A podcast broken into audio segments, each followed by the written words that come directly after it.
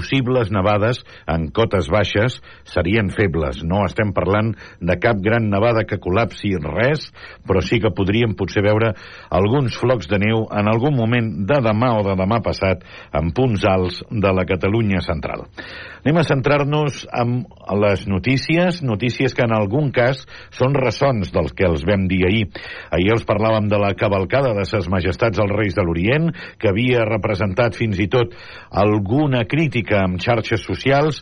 Doncs bé, hem recabat la resposta de l'Ajuntament, de l'organització, sobre aquestes crítiques. Ens diuen que tot és bo perquè el que importa és millorar, i de fet això és el que ha d'anar fent aquesta cavalcada de cara als propers anys. Tania Rodríguez. La cavalcada de Manresa d'aquest 2024 ha generat un bon nombre de crítiques que s'han pogut veure a les xarxes socials, on han titllat l'arribada de ses majestats als Reis Mags d'Orient amb molts qualificatius pejoratius. Per l'alcalde de Manresa, Marc Eloi, aquestes crítiques són benvingudes, tot i que destaca que són molts els qui van veure-ho a través d'internet en el riu que es va penjar i els qui els hi va agradar. L'arribada pel Pont Vell ha estat molt ben valorada per Eloi, així com l'entitat que fins ara havia organitzat l'arribada dels Reis d'Orient, l'agrupació cultural del Bages i la direcció artística professional que enguany s'hi ha incorporat eh, és evident que algunes ens han de fer reflexionar, repensar i incorporar eh, suggeriments de canvi eh, per l'any que ve. Però a mi em sembla que la base és bona. Eh, aquí, eh, amb l'agrupació cultural del Bages, que és l'entitat organitzadora de la cavalcada des de fa moltíssims anys, ens van demanar suport, un suport sobretot en, pel que fa a la, a la coordinació, però també en la posada en escena, en la direcció artística, i per tant vam anar a buscar unes persones professionals que ens fessin eh, un projecte de nova cavalcada. Eh, ens, ens agrada com ho han plantejat, partint de la base que aquesta és la primera de moltes que han de venir, i per tant podrem anar eh, millorant, incorporant suggeriments, eh, incrementant el nombre de carrosses, el nombre de participants, etc. però que hi ha elements que jo crec que hi han estat estat eh, importants. Per exemple, l'arribada, aquella arribada preciosa a la façana sud de la ciutat, amb el pont vell, eh, una arribada que per cert va anar a veure molta gent quan, quan no era habitual que l'arribada doncs, fos un punt eh, de, de tensió tan important. Conscients que cal fer-ne millores, de cara a l'any vinent s'han d'anar incorporant carrosses, persones que hi participin i així anar forjant una cavalcada de gran qualitat. L'any que ve incrementarem aquesta cavalcada, una cavalcada que té un relat, que té una coherència, que s'ha apostat per l'estètica, eh, per la música, per, per els vestits, etc i que tot això haurem d'anar incrementant. I per tant eh, comencem amb set carrosses, eh, l'any que ve incorporarem de més, eh, implantarem canvis de, de millora, per exemple eh, l'inici del recorregut doncs segurament va ser massa lent, doncs hem de veure com fer-ho perquè des de l'inici ja sigui eh, amb aire i, i tingui música, no? Eh, que, que també va costar arribar. Hi ha tot un seguit de temes que hem d'anar millorant. Si la cavalcada d'aquest any va tenir un cost de 45.000 euros, l'any vinent és possible que s'incrementi el cost per crear noves carrosses, nous vestuaris i més música en directe. Bàsicament, la, la inversió en la cavalcada és eh, per la millora de les carrosses, per fer carrosses noves, però són inversions que ja et queden. Per tant, aquest any estàvem una cavalcada nova, hem fet una inversió en vestits, en carrosses. L'any que ve, doncs, si volem fer noves carrosses, doncs també serà un any que hi haurà inversió, però com dic, l'inversió eh, va quedant eh, per tots els anys. I... Paraules de l'alcalde de Manresa, Marc Eloi, en relació amb aquesta qüestió de la cavalcada.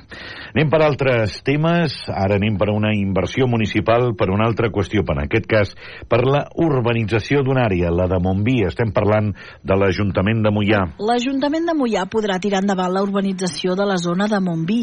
Es tracta d'un total de 225 parcel·les. D'aquestes, 130 ja han estat edificades. Aquest avenç ha estat possible gràcies a la resolució del Tribunal Català de Contractes del sector públic. L'Ajuntament de Mollà va publicar l'anunci de licitació de les obres i va fixar un termini per presentar les ofertes fins al 27 de març, que posteriorment es va allargar fins al 24 d'abril. Acabat el termini, hi havia un total de 8 ofertes, dins de les quals es va acabar escollint la de millor puntuació, Rogassa. El cas es va complicar perquè l'empresa que havia quedat segona, Cosplan, va presentar un recurs especial. Va al·legar una sèrie de contradiccions en les puntuacions establertes de la guanyadora de la licitació. Tot i això, el tribunal ha acabat donant la raó a l'Ajuntament de Mollà, desestimant els recursos enviats per Cosplan i al·legant que les contradiccions es devien a errors materials en el text que s'entenien perfectament a la resta de la documentació. Dues i 25 minuts. Se'n recordaran vostès que els vam explicar. De fet, va sortir a la tertúlia d'ahir que el Centre Excursionista Montserrat buscava un objectiu, 5.000 euros, per a publicar un llibre del seu centenari. Doncs s'ha aconseguit. Tània. El centre excursionista Montserrat ha assolit l'objectiu dels 5.000 euros del Berkami per la publicació del llibre del seu centenari. A dia d'avui ja compten amb 110 mecenes i 5.400 euros que faran realitat la publicació del projecte del llibre Centre Excursionista Montserrat, 100 anys d'emocions, que és la història de l'entitat i que es preveu que vegi la llum el dia de Sant Jordi. El centre excursionista va néixer a la ciutat de Manresa just fa 100 anys el Centre Excursionista Montserrat primer va néixer com a grup excursionista Montserrat, que eren uns grups que hi havia a Barcelona, a Terrassa, a Manresa, i, bueno, el grup es va anar fent anaven programant sortides i tal, i el cas és que, bueno, uh, no tenien seu local, no tenien lloc, i llavors es van anar un temps que van anar a demanar un cop de mà amb el Centre Socialista Comarca de Bages, que ja estava constituït com a centre, i bueno, els hi van deixar un, un, un localet allà, allà dintre com una secció autònoma que anava fent, el que passa és que per raons que no, no surten escrites no van arribar a un bon port i llavors amb una reunió al bosc de l'Ulla del Mas estan allà van decidir formar un centre excursionista i van, va ser quan va sorgir van aprofitar, ja que tenia el grup excursionista Montserrat, van posar centre excursionista Montserrat i llavors doncs va, a partir d'allà doncs eh, van tirar endavant eren paraules de Carles Casado, del Centre Excursionista Montserrat. I hem parlat molt últimament de la llana. La llana sembla que ha passat de ser un valor per tots els jerseis i tota la roba que es feia a ser pràcticament un residu. Ara molts pagesos, molts pastors, no saben què fer-ne. Hi han algunes iniciatives que pretenen tornar-li a donar valor. Dues petites empreses han trobat la manera de convertir la llana, considerada actualment un residu, en matèria prima per fer productes artesanals amb molt bona sortida al mercat, també l'internacional. Una es troba a Ulban, al Berguedà, Ecomatalasser, i està especialitzada en fer matalassos i productes de descans. I l'altra està a Campdevànol, al Ripollès, Ovella Lab, dedicada a l'elaboració de productes tèxtils com jerseis i gorros. Ens vam decidir per la llana perquè, de fet, n'hi ha molta, és propera, tenim, estem rodejats de pastors que tenen llana i creiem que és un, un material molt noble i que té moltes oportunitats i molt futur. El més difícil és fer jerseis uh, perquè fem uh, només per encàrrec i pa, uh, personalitzem a la persona. Jo faig el dibuix, el patró i tot, uh, preparo tot el procés per fer el jersei únic per aquesta persona... Carles Casas està al capdavant de Comatalasser i és un dels pocs artesans del país que fa matalassos amb llana. Des de la petita empresa que té a Ulban, ven també coixins, matalassos i productes del descans a Catalunya i a la resta de l'Estat. D'entrada no, té, no, té, no té res que, que ens faci mal. Eh? Això és important. Això és una de les coses. No?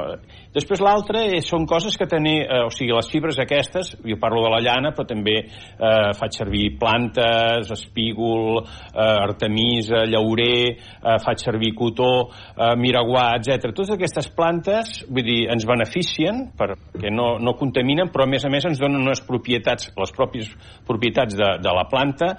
I Sant Carles Casas, abans escoltàvem a Roger Vila i l'Helena Novikova, que són els responsables d'un Novella Lab. Anem enllestint, queda un minut per arribar a dos quarts de tres i ho fem amb els esports amb Carles Joder. Els equips absoluts del Club Atlètic Manresa segueixen una temporada més a la màxima categoria catalana d'atletisme després d'haver aconseguit bons resultats a la pista coberta de Sabadell i en el que es trobaven els vuit millors clubs de Catalunya. El resultat més destacable és de la formació masculina, que va aconseguir el gran objectiu de poder salvar la categoria. Els atletes manresans van superar amb claredat el club colomenc atlètic, que és finalment qui va consumar el descens, en un campionat on el Cornellà va superar el Futbol Club Barcelona. En categoria femenina, després de moltes renovacions aquesta temporada, les manresanes no van poder pujar al calaix del podi i van ocupar la quarta posició, superades per Barça, Hospitalet i Atlètic Catalunya.